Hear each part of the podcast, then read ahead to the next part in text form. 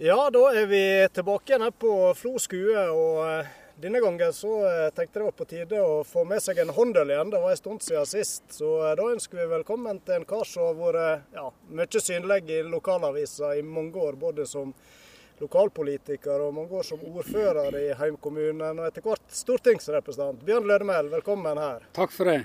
Ja, du svetter godt. Vi har trakka opp bakkene, sola kikker fram. Har du sommerferie, eller? Ja, nå, nå priser vi sommeren hjemme i Håndalen, stort sett. Det har vært litt eh, på ferie i Syden, men de siste par ukene har jeg vært, vært hjemme. Og vi har fått med oss en fantastisk fine uker nå. og Gått i fjellet og bada og kosa oss. Ja. Så svetten den sitter løst nå. Vi, har fått gått en del turer i, i heimefjellet i Håndalen. Ja, Vi har hatt dere fine dager.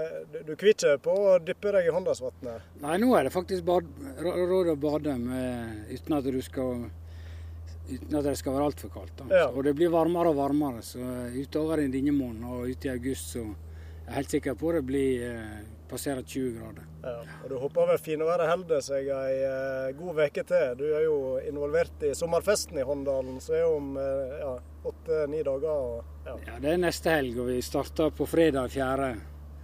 august med karneval og opptog og åpning. Og så skal vi ha utedansen i Groparken med der Kjetil Grodås og The Mansfield Man Band skal spille. Og det er klart at det, Da håper vi på finvær, Selv om vi vi setter opp eh, store telt og vi har mulighet til å gå inn litt. og Vi har, vi setter opp òg eh, duk over danseflaken, så vi klarer oss uansett. Men det er klart å være nede med Håndalsvatn i fine veier, det, det, er veldig, veldig, bra. Så vi satser på at det blir, blir sol og ja. fint. Ja, vi bor på Vestlandet, så en må ta sine forhåndsregler. Ja, da, siste par åra har det vært sånn litt av hvert. Men de åra vi hadde bare sol, så var det helt nydelig.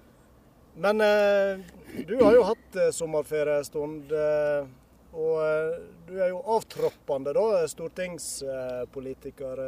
Skal du tilbake til, til, Oslo, eller hvordan blir det? Altså, Jeg er representant fram til 30.9. Da skal jeg ha siste møte i Stortinget med, i, i, denne sesjonen. og så, så Fram til det så er jeg stortingsrepresentant. Så jeg, jeg følger opp en del av det som skjer, iallfall de sakene som jeg jobber med sjøl. Men det er klart at det er litt spesielt i forhold til at en ikke skal i valgkamp. Og for min sin del så er det faktisk helt tilbake til 92. Ja. Så jeg ikke har vært i aktiv valgkamp. Så det, det er litt spesielt, må si det. Men, ja. eh, er du en sirkushest uten eh, dette her en eh, sag, sagmodden? Nei, jeg vil ikke si det. Altså, jeg ble, uh, I oktober i fjor så ble det klart at jeg ikke kom, ble nominert. Og jeg tok konsekvensen av at jeg ikke hadde nok støtte og trekte meg. Og etter den tid så har jeg jobba for fullt med de sakene vi har holdt på med. Vi har hatt en veldig spennende periode på Stortinget i forhold til reformer. og Sitter i kommunalkomiteen, og der er det mye spennende som skjer. Så jeg ga full gass. Så du syns det, det, det, det, går greit å engasjere seg selv om du vet at det, er ferdig i september? Altså jeg, Motivasjon, tenker jeg. Altså jeg er fullt motivert. Jeg kommer til å kjempe for at Høyre skal gjøre et godt valg og at vi skal fortsatt sitte i regjering. Det er det kommer til å gjøre, men klart det er andre som skal fronte våre, vår politikk. Og det er viktig at det er de som er synlige. Så at Frida Melvær er jo hovedperson for Høyre nå i valgkampen. Og jeg, jeg er mer eh, bakkemannskap og, og hjelper til å støtte opp, selvfølgelig. Og jeg kommer til å være på en del arrangement òg, men det, jeg syns det blir feil at jeg skal være, stikke meg fram for mye nå. Men det er en del saker som vi jobber med, som jeg jobber med, som jeg har Altså både denne her eh, KVU-en på Strynfjellet, en del andre, andre saker som jeg har jobba mye med, som jeg kommer til å følge opp så lenge som jeg sitter. Mm. og kanskje etterpå. Altså. Eh, er det babyene dine på en måte du ja, føler sånn det, spesielt? Uh... Det er klart at en del saker har jobba veldig mye med. og Veisakene har vi, har vi jobba med. Både E39 og, og, og Strynfjell og en del av disse andre tingene. Og kommer til å bruke krefter på det framover. For jeg brenner jo for at vi skal ha gode god samferdsel både i denne delen av fylket, men òg i hele fylket. Så det, det kommer til det å jobbe med. Men jeg må jo finne min måte å ta det på da. Altså det, som sagt, nå er det valgkamp, og da er det andre som skal fram i lyset. Mm. Men eh, er du ferdig som politiker, eller hva tenker du nå om, eh, om den biten? Er det tilbake igjen å få en posisjon som en lokalpolitiker, ny kommune etter hvert? Eh, hva, hva tenker du? Altså, jeg tror nok at det, det, skal mye til at jeg går tilbake igjen i, i lokalpolitikken. Jeg har vært ordfører i 14 år. åtte år på Stortinget. Og, så det skal nok en del til. Men samtidig så brenner jeg jo for at det skal skje positive ting i lokalmiljøet. Både hjemme i Håndalen og for så vidt også i den nye kommunen. altså. Det, men jeg ser ikke for meg at jeg går inn i et kommunestyre om to år. Det, det skal mye til. Og ordfører i Storkommunen, storkommune, det frister ikke heller? Nei, det gjør ikke det. Jeg tykker de som har, de som har kjørt disse prosessene, har gjort en god jobb. Så det, de får sluttføre det. Jeg, så jeg er sikker på at det, det blir bra. Altså. Men jeg tykker det er spennende. Mm. Altså Det som skjer både i, i Håndalen, men òg i hele regionen her. altså. Vi ser på de store tingene som har skjedd siste, siste året bare. Altså med Loen, eh, Skylift og alle disse tingene her. Så. Og så skal jeg som sagt i Handalen bygge en ny kommune. Så det, det er mye spennende som skjer. Ja. Eh, du var jo inne på noen saker som du har brent ekstra for. og eh, Strynefjellsveien som kom med, med et nødskrik inn igjen. Iallfall han står i planene, som er fortsatt inne der. Og småkraftverk er jo noe du har engasjert deg i. Og så har jo denne store kommunereformen. Og, mm. Hvordan syns du den har utvikla seg i forhold til intensjonene? Nei, det er jo klart Når 100 kommuner slår seg lag frivillig, så er jo det en suksess. Og Jeg tror at dette er starten på noe, noe større. altså i forhold til at, at, det vil bli større kommuner. Jeg tror mye av det som skjer når ser, kommunene ser f.eks. det som skjer i Sunnfjord, der en får en sterk kommune med fire, fire kommuner. Jeg tror det kommer til å smitte. Jeg tror at andre kommuner ser at de må, og må på en positiv måte gå inn i større eininger for å bli sterkere. Det er det tror jeg. Og jeg, jeg tror òg at det som skjer på regionreformen, det er jo en sak som folk flest ikke har så mye føling med. Mm. Men uh, når vi først skal ha tre nivå, så tror jeg at det, der òg ser vi starten på noe som kan bli, bli, bra i forhold til å få mer, få mer oppgaver ut på, på regionalt nivå, få mer oppgaver altså i kommunereformen ut på kommunenivå. Så at en har klart dette her, en mindretallsregjering, har klart det der på fire år, det syns jeg faktisk er bragd. Og Det tror jeg kommer til å gå inn i historien som, som da ting begynner å ta fart og ta form. Og så er en selvfølgelig ikke ferdig. Mm. Altså det vil, ta, det vil, ta, flere perioder før dette her har sett seg, men nå er startskuddet godt. altså. Det, så jeg, jeg, det har vært utrolig spennende å være med på den i disse fire årene. Og tenke både kommunereform, regionreform, og Vår komité hadde jo også alt som hadde med flyktninginnvandring da den krisa kom. Det var jo vi som, som håndterte. Mm. Så det å være kommunalkomiteen de siste fire årene har vært fantastisk spennende. Så det, kan jo fortsatt si at det har skjedd noe. det har skjedd utrolig mye, og det har vært, det har vært komplisert. I forhold til å håndtere så flyktningkrisen var jo veldig krevende. Mm. Men òg det at en er et mindretalls, altså en mindretallsregjering som skal søke støtte. Fortrinnsvis med to eh, to samarbeidspartier, men, eh, men eh, også bredere, bredere støtte. Og vi hadde jo altså, både innstrammingssaker og integreringssaker fikk jo bredt flertall i Stortinget. Så. Hvordan er det å jobbe nå helt til å være avhengig av disse andre partiene? Er det, en, er det en stressfaktor og stor usikkerhet, eller er det litt spennende òg? Ja. Det er veldig spennende, men det er klart at de forrige regjeringene, altså den rød-grønne regjeringa, tok jo sine diskusjoner på kammerset. når de kom til Stortinget den første perioden jeg var der, så var det jo ikke noe som ble forandra i forhold til det som var lagt fram. Mm. Mens nå er det jo eh, det Litt mer uforutsigbart. Ja, ja, altså både i forhold til budsjettarbeid og i forhold til andre ting, så er det helt annet. Men, men jeg vil jo påstå at det, vært, det er mye sunnere for demokratiet at, at, vi har et system der, der ting blir avgjort i Stortinget. Mm. Og at du har det, den muligheten flere påvirker. Så jeg, det er klart at eh, Småpartier utnytter jo sin situasjon. Det må jo bare, bare akseptere. Men eh, alt i alt så syns jeg vi har gjort veldig mye bra. Og det tar mer eller fire år å snu et tankskip. Mm. Altså Uansett, hvis du skal endre retning, så tar det tid. Og Men det, ja, det regionen, vet du, du kunne jo tenkt deg enda større regioner?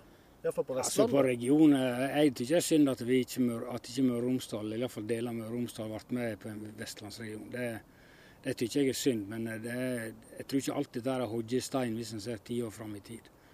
Så eh, en har på en måte tatt første steg, iallfall. Og jeg tror at eh, Sogn og Fjordane og Hordaland kan bli en bra match.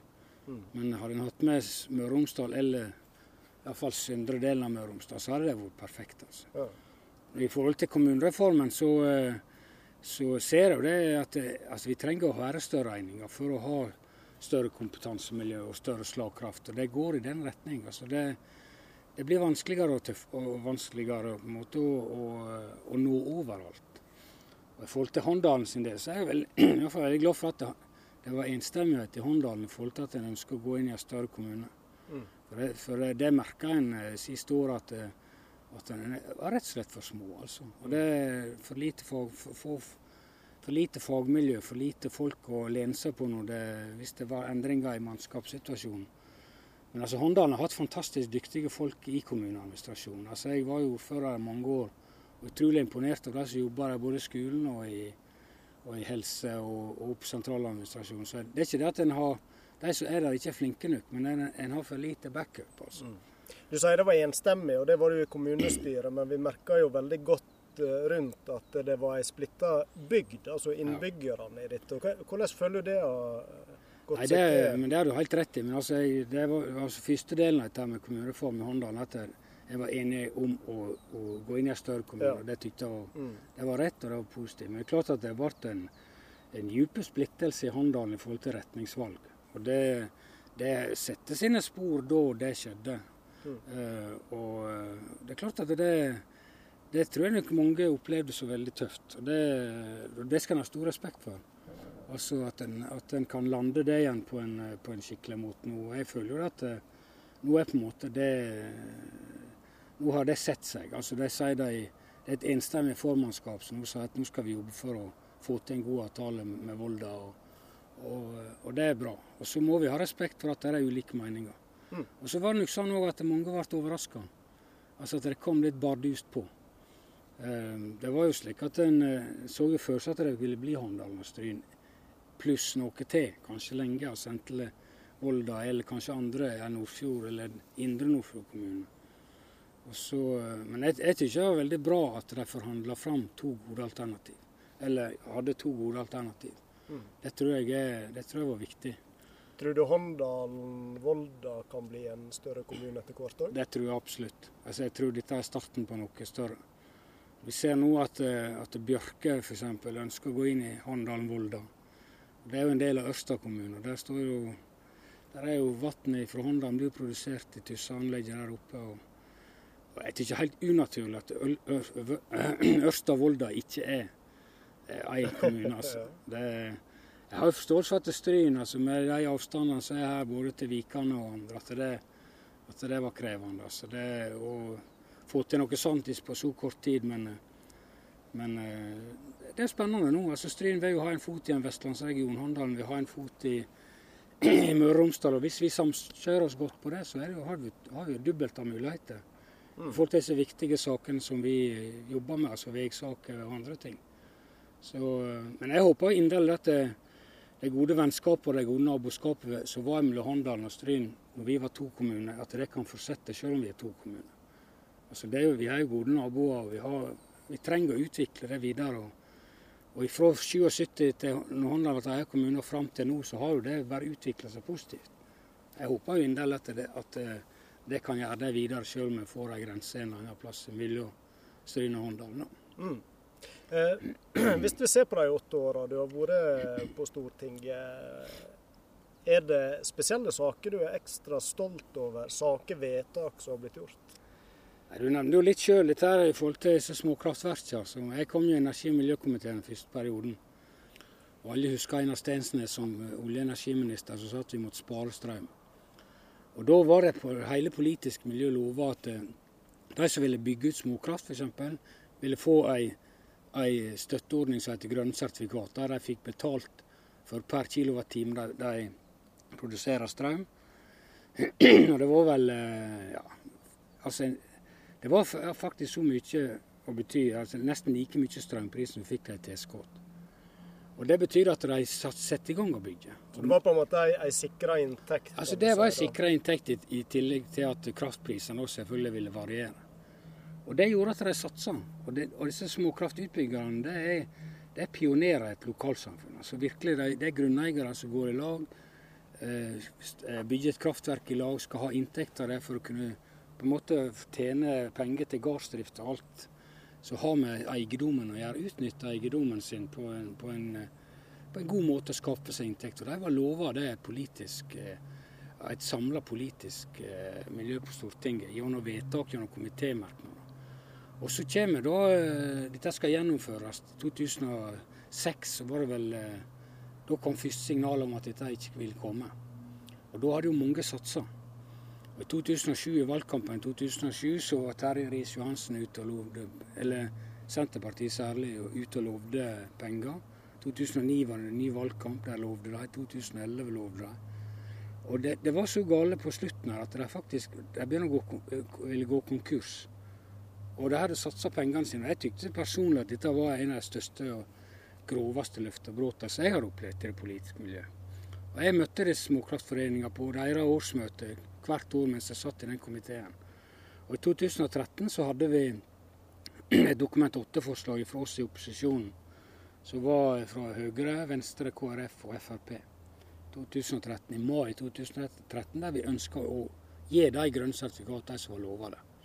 Og det var ganske spesielt å, å, å stå på talerstolen og at du blir, blir håna av Ola Borten Moe, som da var, var olje- og energiminister, og våre egne folk fra rød-grønne partiene nærmest blir håna for at vi, at vi ønsket å rette opp dette løftebrudd. Og de sa dette er valgflesk, det er tomme ord de klarer aldri å få det til. Og det tok ett år, så klarte vi det. Og jeg, de telefonsamtalene som jeg hadde med disse her, eh, altså med Ryslett, eh, Trond Ryslet, som var mangeårig leder i, i, i Småkraftforeninga, det var tårer. Tårevåte, altså. Rett og slett at det var hva han sa, Trond, han sa, steike tid. Dette hadde jeg aldri trodd jeg klarte. Og det var det som var på en måte.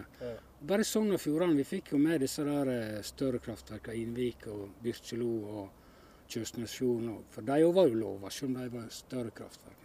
Mm. Bare Sogn og Fjordane er snakk om flere milliarder kroner i den sertifikatperioden. Og de, vi reiste jo rundt litt og hilste på de som fikk sertifikat. Og det, det, det hadde aldri gått. Det hadde gått flere runder med å samle mer penger Du kan tenke små grunneiere som har gått i lag og bygd et kraftverk. Og så går det underskudd. Du må inn med mer penger, eller du må gå konkurs, eller du må selge.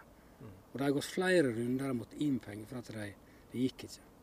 Så fortvila var de. Og det var jo faktisk enkelt som var på vei til å kunne gå fra, fra gard og grunn, nesten. Altså. Mm. Og hvorfor i herrens navn de ikke kunne holde den lovnaden, det har jeg aldri forstått. Og nå viste det seg at det var, det, var, det var mulig å gjøre noe med det. Og dette har kanskje vært noe av det viktigste bidrag til Høyre for eh, bøndene i Distrikts-Norge? Ja, det er jo i hvert fall eh, det er et viktig bidrag, selvfølgelig. er det. Mm. Og, det, og, de som har kraftverk, så, så, så er jo det ei inntekt som gjør at du sikrer det andre. Mm. Men at det er sånn spesielt fra Høyre så vi, vi Jeg jobber tett inn mot Venstre, KrF og Frp i forhold til det, for å ha solid backing der. Og det men jeg er utrolig skuffa over, over særlig Senterpartiet, som hadde statsråder i faktisk hele i åtte år. altså. Og at de ikke klarte å, å ordne dette. her. Og, og den siste runden vi hadde i Stortinget i 2013, der vi ble gjort narr av. Da både Ola Borten Moe og vår egen leder i komiteen, Erling Sande, sa at dette er valgflesk, det er tomord. ord. Det er klart at det, da, er, da er det ekstra stort å klare det. Ble det takk for siste år etterpå, eller? nei, det er ikke så, nei, altså jeg tror Erling innerst inne er veldig glad for det. Mm. Så, eh, men det var en stor sak. Men ellers er det klart at det har, det har vært mange store saker som jeg har vært med på. Så jeg er veldig glad for jeg har fått til. Altså Engebø kommer til å bli et industrieventyr i, i Naustdal, i Sogn og Fjordane og i Sunnfjord. Men det har jo vært en veldig betent uh, sak. da. Er det, hvordan er det å stå i den når du opplever òg ei sterk motstandsside. Det, kan det være tøft Nei, det å, å tro på det? Det er jo tøft, men samtidig så er det det du er for. Altså, jeg, jeg, det er jo synd å si det, men altså, det, det var en veldig stridssak. Og det er klart at når en får gjennomslag for den, så betyr jo det at, at en har gjennomslag politisk. Og det er jo egentlig det en er der for.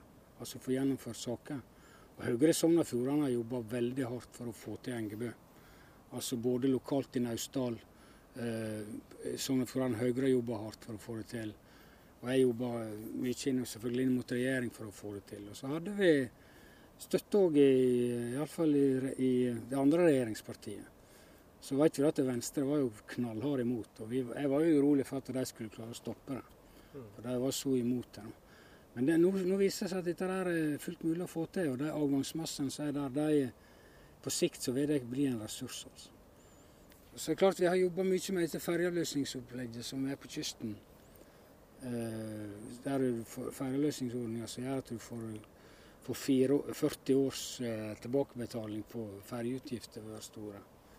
Så jeg, jeg tykker at det er, det er, mange store og små saker som har vært med på som viser igjen Eh, etter den perioden, eller den tida jeg har vært der. Så jeg er, jeg er bra fornøyd. altså. Vi var, eh, Siste saka vi tok ut nå, var Jølstra. Uh, altså utkraftbygging i Jølstra. Og det er klart at den også satt langt inne. Det er knallhard jobbing og i, i, i lange tid opp imot statsråder og andre for å få gjennomslag. Ja, hvordan jobber du i disse sakene? Kan du si litt om Hva er prosessen for å få, for å få gjennomslag? Du vet jo hvordan uh, sakene skal gå, altså hvor langt de er kommet i, i prosessen. Altså, sånn som så Kraftutbygging f.eks., så er det jo NVE som kommer med innstilling. Så er det Olje- og energidepartementet som enten slutter seg til eller, eller så tar sin vurdering. Da. Så det er klart Etter de har fått saka og vært ute på, høyre, eh, på høyring og på, ute i feltet for å se på, så er det klart at da er det viktig å påvirke. Og men det er òg viktig å være ærlig og være, være saklig. Det er, sak, det er somme saker som ikke Altså, må prøve, Det må selvfølgelig være basert på det du mener er rett å gjøre. Altså, det er ikke jeg Med dårlig magefølelse er det vel vanskelig å ja, altså, ta en sak gjennom? ja, det blir jo det. Og så er det kanskje litt justeringer på en sak, så kanskje er hun bra, like, bra likevel. Altså. Så det å ha Og vi har hatt eh, Altså, jeg var jo fylkesleder i Sogn og Fjordane Høyre fra 2005 til 2012. Og Da satt jeg i sentralstyret i Høyre. og klart det Gjennom alle disse åra har du bygd deg opp. Eh, du har veldig mye altså, Du har gode venner, du har gode kollegaer, du kjenner folk. Og, og så lenge du er ærlig og redelig, så, så blir du lytta til òg, føler jeg. altså. Og det, det, og det er klart at når du har vært såpass lenge, så har du kort vei inn. Altså, du snakker med folk som du, som du har jobba sammen med, som, som, kjenner deg og som vet, stoler på deg. Mm. Så, Men du skal bygge allianser med andre partier. Det, går du rett på, på toppnivå, eller er det? På Stortinget er det sånn at vi er jo i komiteen så er det jo fra alle partier, stort sett.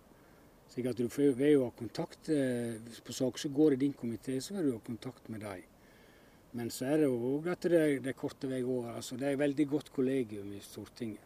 Du kan sette deg ned og ta en prat med en eh, fra hva slags parti som helst altså, i forhold til saker som som de jobber med. og det så det er en kopp kaffe i kantina f.eks.? Ja, eksempel, ja det, og så følger jeg opp. Jeg får jo spørsmål om å følge opp saker. Og, og, og selv om jeg kan være uenig, så, så videre, bringer jeg jo videre eh, de synspunktene som kommer, og de spørsmålene som kommer. Selv om det er fra opposisjon eller, eller andre. Så, mm. Og det, Føler du eh, de rolle òg er for innbyggere i Sogn og Fjordane. Ja, det er jo det det er for. Det er altså Uavhengig av, ja, tenker jeg, eh, politisk tilhørighet. Ja, det, ja, det vil jeg si. Mm. Altså, jeg mener at eh, ting som opptar våre innbyggere, eller de som jeg representerer, det er hovedsaken min. Mm. Og det å, det å, være budbringer fra Sogn og Fjordane til Oslo og andre veien, og det å, det å få legge fram saker Jeg har hatt vanvittig mange kjekke møter med der folk fra Sogn og Fjordane har bedt om møte med en statsråd eller eller noe på Stortinget. Og å være den budbringeren har faktisk noe av det kjekkeste. Altså Folk kommer inn, inn, på Stortinget, du får deg en kjapp prat. du får, de får lagt fram saka si. og Det er faktisk noe av det som har gitt meg mest. Altså. Og det aller viktigste for meg er selvfølgelig innbyggerne i Sogn og Fjordane. eller det har, har vært. Og, men selvfølgelig partiet mitt òg. Altså. Jeg er veldig glad i Høyre, og veldig på alle nivå. Og vi ser det lokalt der eh, på fylkesnivå og, og i, i, regjering. Så det, så det, å være en god budbringer, eh, uavhengig av parti òg, det har vært viktig. Mm. Blir den brukt mye og uh, ja, det føler blir tatt kontakt med? Ja, det føler jeg. Og det, vi har jo hatt Det siste vi hadde, var jo i forhold til, til jordbruksoppgjøret som var nå. Der, der vi hadde en liten uenighet i, på Facebook om, om om tonen i kampen. og, eh, så eh, Vi hadde en, god, en, grei dialog med Anders Felde, og når de skulle ha demonstrasjonen sin i, på Stortinget, så sa jeg at de bare kom innom. Og de tar med det du har lyst til. Det var jo 50 stykker. Og det, det, det tykte jeg var faktisk veldig kjekt. altså. Da, satt, da tok jeg dem med på en omvisning. De fikk sett litt salen, de fikk sett eh, hva vi var når mange. Flesteparten hadde aldri vært på Stortinget. Så vi satt i lagtingssalen og hadde en sånn oppsummering etterpå. Det er klart det, det var det var veldig kjekt. Men det er egentlig sånn det er altså, i forhold til å ta inn besøk og ta imot besøk. At folk har kanskje ikke vært på Stortinget, og dermed så er det stort å komme inn der. Mm. Og det, det var noe av det kjekkeste for min sin del, å være den budbringeren mm. og, og måtte følge opp de sakene. Vi snakka litt om de positive tingene og, og tingene en er stolt av. Jeg drister meg òg til å spørre er det saker du er mindre stolt av eh, gjennom åtte år? Jeg har faktisk fått det spørsmålet nå et par ganger. Men, men uh, det er selvsagt saker som du er uenig i, altså. Men det er ikke det helt store. Det Må du svelge kameler? Ja, det har ikke blitt så mange av dem, faktisk. Men altså, det er klart at det, de tingene som du ser du ikke har noe inngripen på, mulighet til å gjøre noe med, da må en legge dem vekk. Det som har vært tøffest for meg, det var da de endra et inntektssystem for fylkeskommunen. For det kom, altså Der, der hadde de foregående regjeringer hadde sagt i sin trontale mange ganger at de skulle komme et nytt inntektssystem for fylkeskommunen. For det så var det 20 år gammel, utdatert, og det må gjøres noe nytt. Og Den rød-grønne regjeringen kom aldri med det. Og det kan jeg forstå, for det er klart at det, det har vært skjevfordeling, og den har på en måte blitt verre og verre. Slik at når den saka kom, eh, og vi så utslag for Sogn og Fjordane, så var det ei beinhard sak for meg. Det, det, betydde at det var altså Du husker kanskje de, de oppslagene som var i media. Det var jo svarte forsider i Firda, og det gikk bort til Det er noen hundre millioner som har datt vekk? Ja, det var det. Og det, altså, det var 250 millioner skulle ned etter fem år. da. Nå viser det seg jo det at en har fått, altså det har kommet en sånn kompensasjonsordning som har gjort at det, den har blitt, eh, det, det, det tapet har blitt eh, Eller den reduksjonen har blitt mye mindre. da.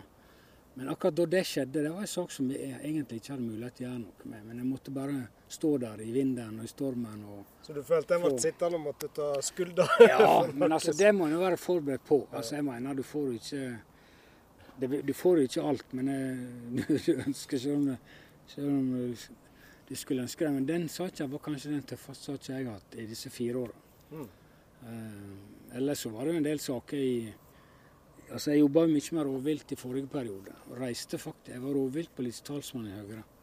For Vi hadde det i energi- og miljøkomiteen. og da, da, reiste jeg jo mye rundt og så på hvor galt det var. Jeg var i Nord-Trøndelag med, med sauebønder og, og sørsamer i disse rein, rein, tamreinområder Var oppe i Elgå i forhold til både ulv og, og annet der. og på og på eh, Østlandet selvfølgelig i forhold til ulv. Og jeg var òg her i Sogn og Fjordane i forhold til store jervetap. var.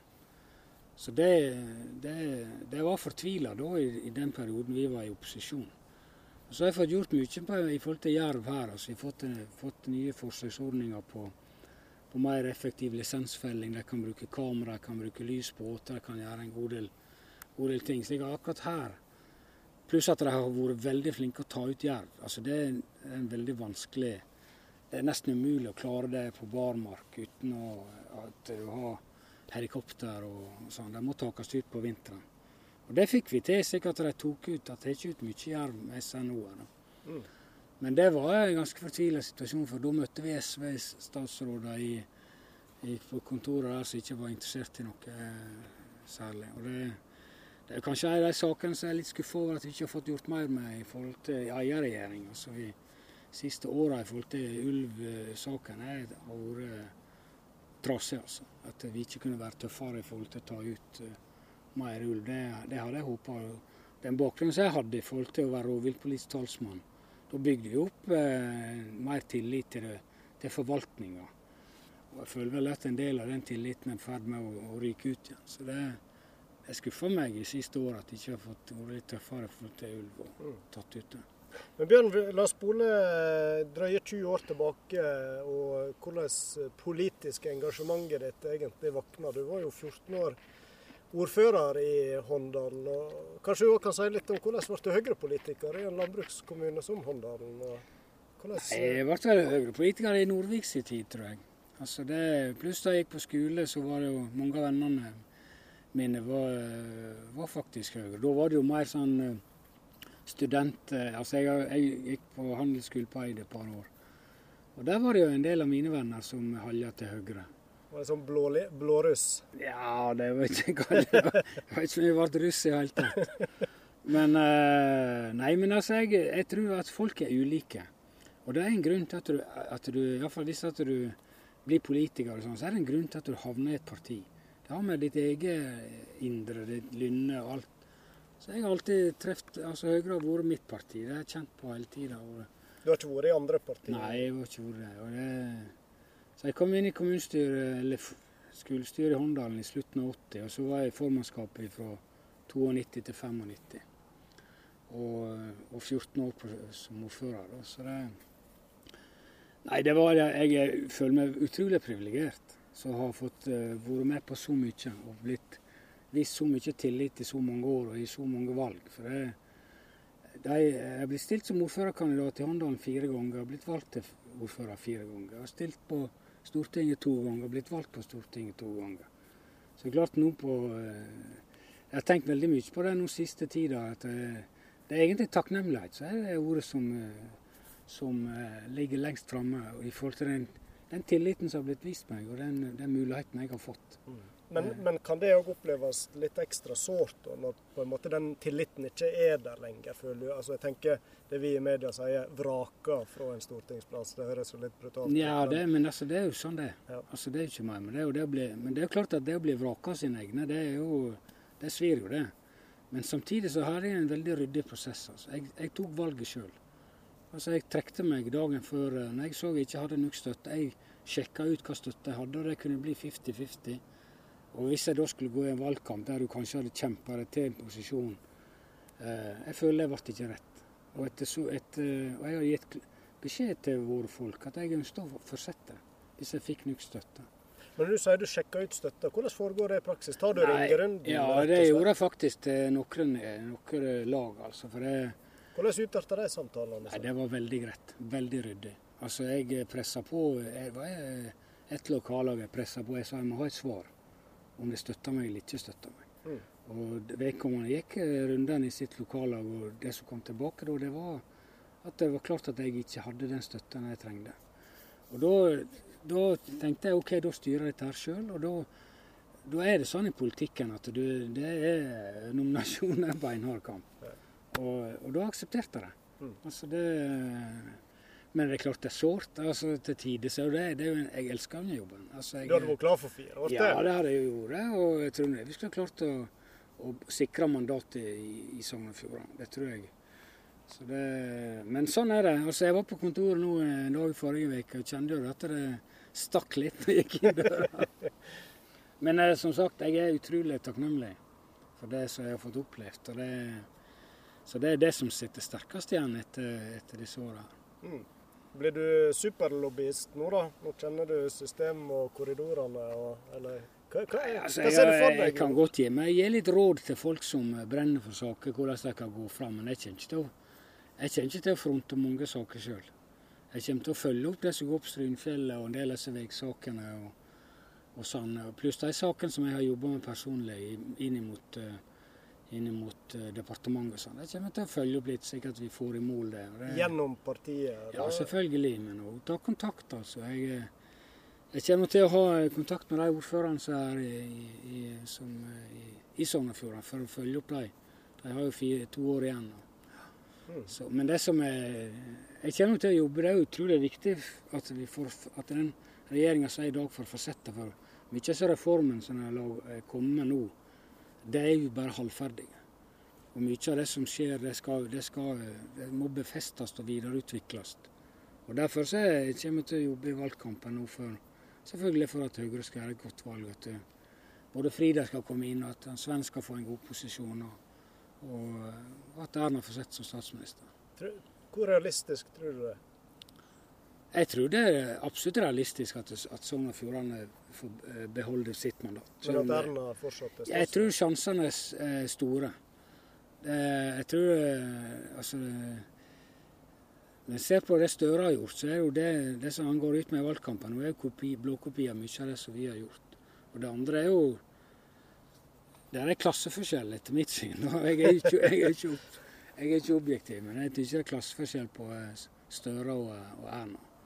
Og jeg tror at Erna sine kvaliteter kan bli avgjørende i, i valget. Altså. Det, og nå ser det ut som at en eh, at det en del av disse angrepene fra samarbeidspartiene tok slutt for et år siden. Eh, men det er klart, det som er mest spennende, er jo hva som skjer med sperregrensepartiene. Altså, særlig Venstre. Hva skjer med Venstre? Og hva vei hopper KrF? Jeg tror, ikke, jeg tror de blir værende på borgerlig side. Men hva, det er sånne ting. Og så er det klart det kan skje mange ting i valgkampen. Valgkampen er jo ikke starta ennå. Mm. For altså, det er jo forpostfektinga. Så det er klart at hvis det skjer dramatiske ting i valgkampen, så vil jo det kunne endre bildet fullstendig. Men jeg tror folk føler seg trygge med Erna som statsminister. Erna har vært statsminister gjennom eh, flyktningkrisen. Og hun har vært statsminister gjennom den stup vi hadde i oljeproduksjon og oljeinntektene. Altså, du kan tenke deg at halvparten av inntektene fra oljen forsvant. Og hun har klart å styre gjennom dem så eh, jeg tror at det kan bli viktig. Og så er det mange dyktige statsråder. Altså vi, både fra Høyre og Frp. Mm. Altså Solvik-Olsen er jo kanskje beste samferdselsministeren som har vært på lenge. Og, og han Terje Søviknes som nå kom inn som olje- og energiminister, er utrolig dyktig. Så det, så det, er et bra lag, altså. Det tenker jeg, og det tror jeg vi skal se, kommer til å se fram gjennom valgkampen òg, at en har, har, faktisk gjort veldig mye på disse fire åra på tross at en har vært en mindretallsregjering. Hvor godt kjenner du henne? Jeg kjenner henne veldig godt. Men vi er ikke øh, Altså Er dere venner på Facebook? ja, det er klart vi er venner på Facebook. Og jeg snakker jo med henne. Uh, jeg, har, jeg, har, valgt å ikke, ikke ta opp eh, saker i tide og utide med henne. Slik at når jeg har tatt opp saker med henne, så har hun forstått at dette var alvorlig. Og at det var, Og, og denne småkraftsaken var en av de sakene som vi tok opp med henne. Disse der med, med Engebø tok vi opp direkte, og en del av disse andre, andre tingene som, som har vært farlige. Altså rett og slett eh, ikke farlige i hermetegn, selvfølgelig. Men da tar vi opp. Og den perioden etter vi fikk den, eh, det som skjedde med fylkes... Altså økonomi, nye økonomi, eh, inntektssystem, fylkeskommune, så ble det en veldig alvorlig situasjon for oss. Så jeg har hatt veldig god dialog med henne. Og det er klart at det, eh, Vi hadde jo en kamp som òg var, var, veldig tøff, og det var jo på trasévalget i, i Nordfjord. Altså i forhold til indre og midtre. Og der vi der er Sogn og Fjordane Høyre sto klart og tydelig på indre. Der en eh, også måtte bruke en del krefter på å få på plass den. Mm. Så, og Det er jo saker som har fått, eh, vi har fått tilslutning til, det, både den og det andre som er nevnt. Så det Men når du er inne på E39, e så eh, vil jo det mest sannsynlig når det gjelder egen kommune, da, gå utenfor sentrum i, i Grodås. da. Eh, du er jo engasjert i sentrumsutvikling, og driver jo òg med å drive egen bedrift. Hva tenker du om Hva betydning vil det få? Jeg tror eh, altså Den, den trafikkøkningen som har vært gjennom Grodal sentrum siste åra, den har vært enorm.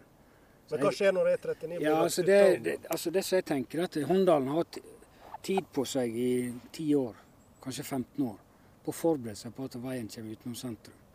Og Hvis en er dyktig nok og taktisk nok å bygge opp et sentrum som tåler at trafikken går utenom, og da tenker jeg det sentrumsområdet. Jeg tenker mot vannet, jeg tenker mot aktiviteter og det å bygge opp gode, gode boligområder og sånne ting, så kan Håndalen klare det. Mm. Uh, men det kreves jo at en uh, får uh, på plass det planverket som skal, at en starter å bygge ting som en, som en, som en skal ha. For det, altså jeg har jo sittet hjemme på verandaen, i den grad jeg har sittet i ro, og sett på et fantastisk yrende folkeliv på hele strandsonen langsmed vannet. Altså stupetårnet, den tramp trampolina som er alle benkene, alle alt som er den eh, sandvolleyballbanen og ut på bades, badestranda.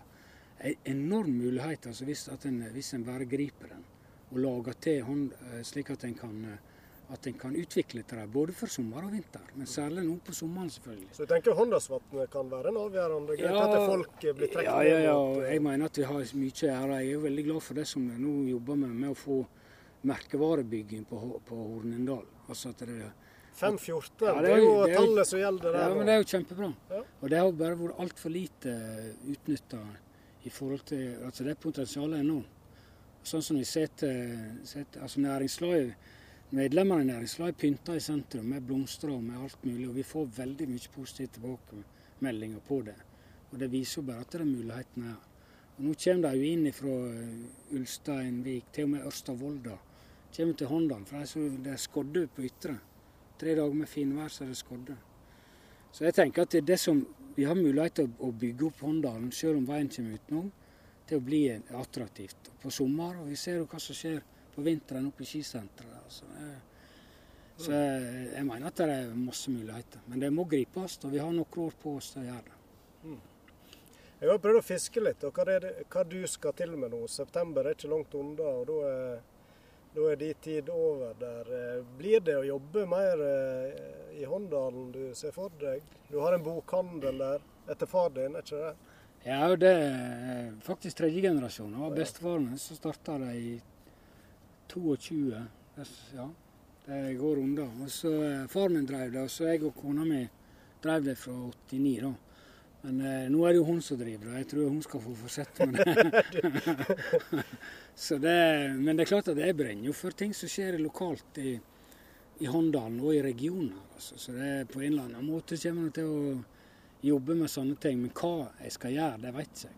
Du har satt litt på skolebenken òg eh, siste året? Ja, det var fantastisk. Det ga meg utrolig mye. altså. Sitte på tre måneder på Forsvarets høgskole, det var helt fantastisk Bro. Der var vi det var 29 stykker, 10 offiserer og, og 19 fra sivile høyt oppe i systemet. Det er høyeste utdanning du får i Forsvaret. Ja. Og det var vanvittig spennende. Og der, eh, hva, lærer dere der? Nei, det vi hadde, vi hadde som hoved, hovedfokus, var europeisk sikkerhetspolitikk. Uh, og, uh, og sikkerhetsutfordringer. Det var jo midt oppi nære Vi fikk jo flyktningkrisen. Den nye langtidsplanen for Forsvaret var i støpeskjea da vi gikk der. Og vi reiste. Vi var jo i Ukraina, vi var i Roma, vi var i Berlin, vi var i Brussel. Og vi var, hadde besøkt alle stående avdelinger, eller både hær, luft og, og marine, eh, i, i, Norge. Så vi fikk utrolig mye god innsikt. Og så når de setter i hop disse her 29 studentene, så har de ulike, kommer de fra ulike eh, plasser. Altså jeg kom, ja, to to fra Stortinget. Og så var det toppledere fra, i Norges Bank, i finans, i, i eh, Altså det er ganske trange å komme inn. For, for en sterk skoleklasse. ja, det var det. Altså, har de, vel, altså, de var satt opp ei gruppe som hadde ulik kompetanse. Slik at når vi hadde, Hver dag vi var på skolen, så hadde vi ulike tema som vi diskuterte. og Da fikk de jo inn eh, eh, altså Enten det var NRK-folk Vi fikk en som har vært reporter i Kairo eh, veldig lenge. Vi har som foreleste om problemstillingene i, i, Midtøsten. Vi hadde en norske ambassadøren fra USA var der og foreleste. Det var jo på, før valget i USA. Så eh, topp forelesere, gode diskusjoner og også et godt vennskap. Og det, det er jo det som uh, gode kollegaer det, det, er jo mye av det som jeg sitter igjen med nå etter, etter disse åra her. Altså, jeg har, har, fått mange venner for livet mm. gjennom det arbeidet som har vært gjort av Stortinget og, og det andre. Mm. Og, og, det er folk med veldig bred og ulik erfaring. Så, så, så er det lett å ta kontakt med igjen hvis det er ting som dukker opp. Så det er men sjefskurset, det var faktisk Det sette Jeg kjente det gjorde det noe litt med meg. Jeg fikk en litt, sånn, litt ny fart, altså. Er det noe du kan få brukt? Ja, det, det vet du. Altså prosesser og liksom eh, eh, Ja. Det var, en, det var, en, ny måte. Vi måtte jo presentere ting, og vi måtte eh, diskutere ting. Så det, det å skaffe seg kunnskap og bruke kunnskap, det er nøkkelen til alt. Så for min sin del så har jeg kun to år handelsskole, så, så så var jo dette der eh, en kjempegreie. Det. Det, så det er jeg veldig glad for. Det, Noe vi ikke har nevnt, er jo du har jo eh, jobba på fabrikk òg noen år.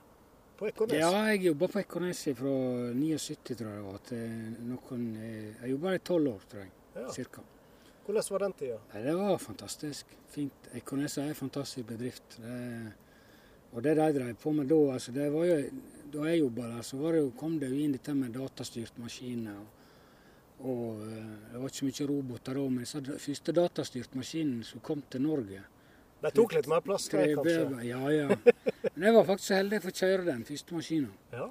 Så da hadde vi besøk fra hele landet som var og så på hva vi gjorde. og det var svensker som monterte det. og Den andre maskinen som kom, da var det faktisk japsa. Japanesere som kom direkte fra Japan og monterte en stor, stort beist av en maskin. Så det var litt sånn pionertid i, i forhold til, til CNC-styrte maskiner. Ja. Så jeg jobba i Ekornes og er utrolig stolt av den, den, den, den tida som var der. Altså. Det var, det var da Jens Petter Ekornes' tid og mange av disse der så det var en fin tid. Og det, jeg bruker å skryte av dem når jeg blir hardna til i en politisk debatt, at jeg har vært industriarbeider i tolv år. Så bare prøv. det er jo en bedrift som selvfølgelig til liks med mange andre industribedrifter i Norge da, opplever tøffe kår og nedskjæringer. og Følger du ekstra med dem? Ja, det gjør jeg. For Ekornes er en utrolig viktig bedrift i Håndalen. Veldig mange håndøl og folk fra andre bygder som jobber der. så det er det er hjørnesteinsbedrift i aller høyeste grad. Det er klart, De kom seg gjennom finanskrisa midt i 2008 og 2009. Men, eh, og det, det, er helt det er krevende. Det er klart at de Ekornes har lært på veldig høy kvalitet. Bruk av teknologi. Og Det som jeg jeg var beste med Ekornes, iallfall tidligere, det var at de satsa på å bygge opp kompetanse lokalt. De, I Håndalen, Sykkylven og andre bedriftene. I stedet for å flytte til Øst-Europa og videre til Østen. Mm. Så har de bygd opp lokal kompetanse. Og det har jo vært en, en suksess framover. Så klart at dette blir tøffere og tøffere. Så det, jeg, eh, Ekornes har, har klart å snu seg tidligere. Jeg tror både håper og tror at de får fart på ting igjen der òg. Men eh, det er krevende, det må en være klar over. Og det, de må ha god fart i kroppen, så skal de omstille seg raskt. Altså. Mm. Så, men det, det, var en fin tid på Ekornes. Det var noe jeg ikke ville unnvært. Det er snakka mye eh, jobb og politikk, eh, politisk eh, fortid og sånt. Men du har jo, har jo litt fritid. Helger stort sett, vel. og hva, hva, fyller du tida med der? Jeg vet, Litt jaktinteresse har du iallfall. Ja, altså det er noe friluftsliv som det går i. altså Enten i form av jakt og hjortejakt til og med gode venner i Åtredalen. eller Så fisker en del. Jeg var oppe i Namsen i lag med svogeren min nå for to uker siden. Tre uker siden. Ja. Jeg har hatt en sånn, selv om det er lang vei for å fiske, så jeg har vært oppe i Namsen fire ganger nå. Fire, ja, I løpet av de siste årene.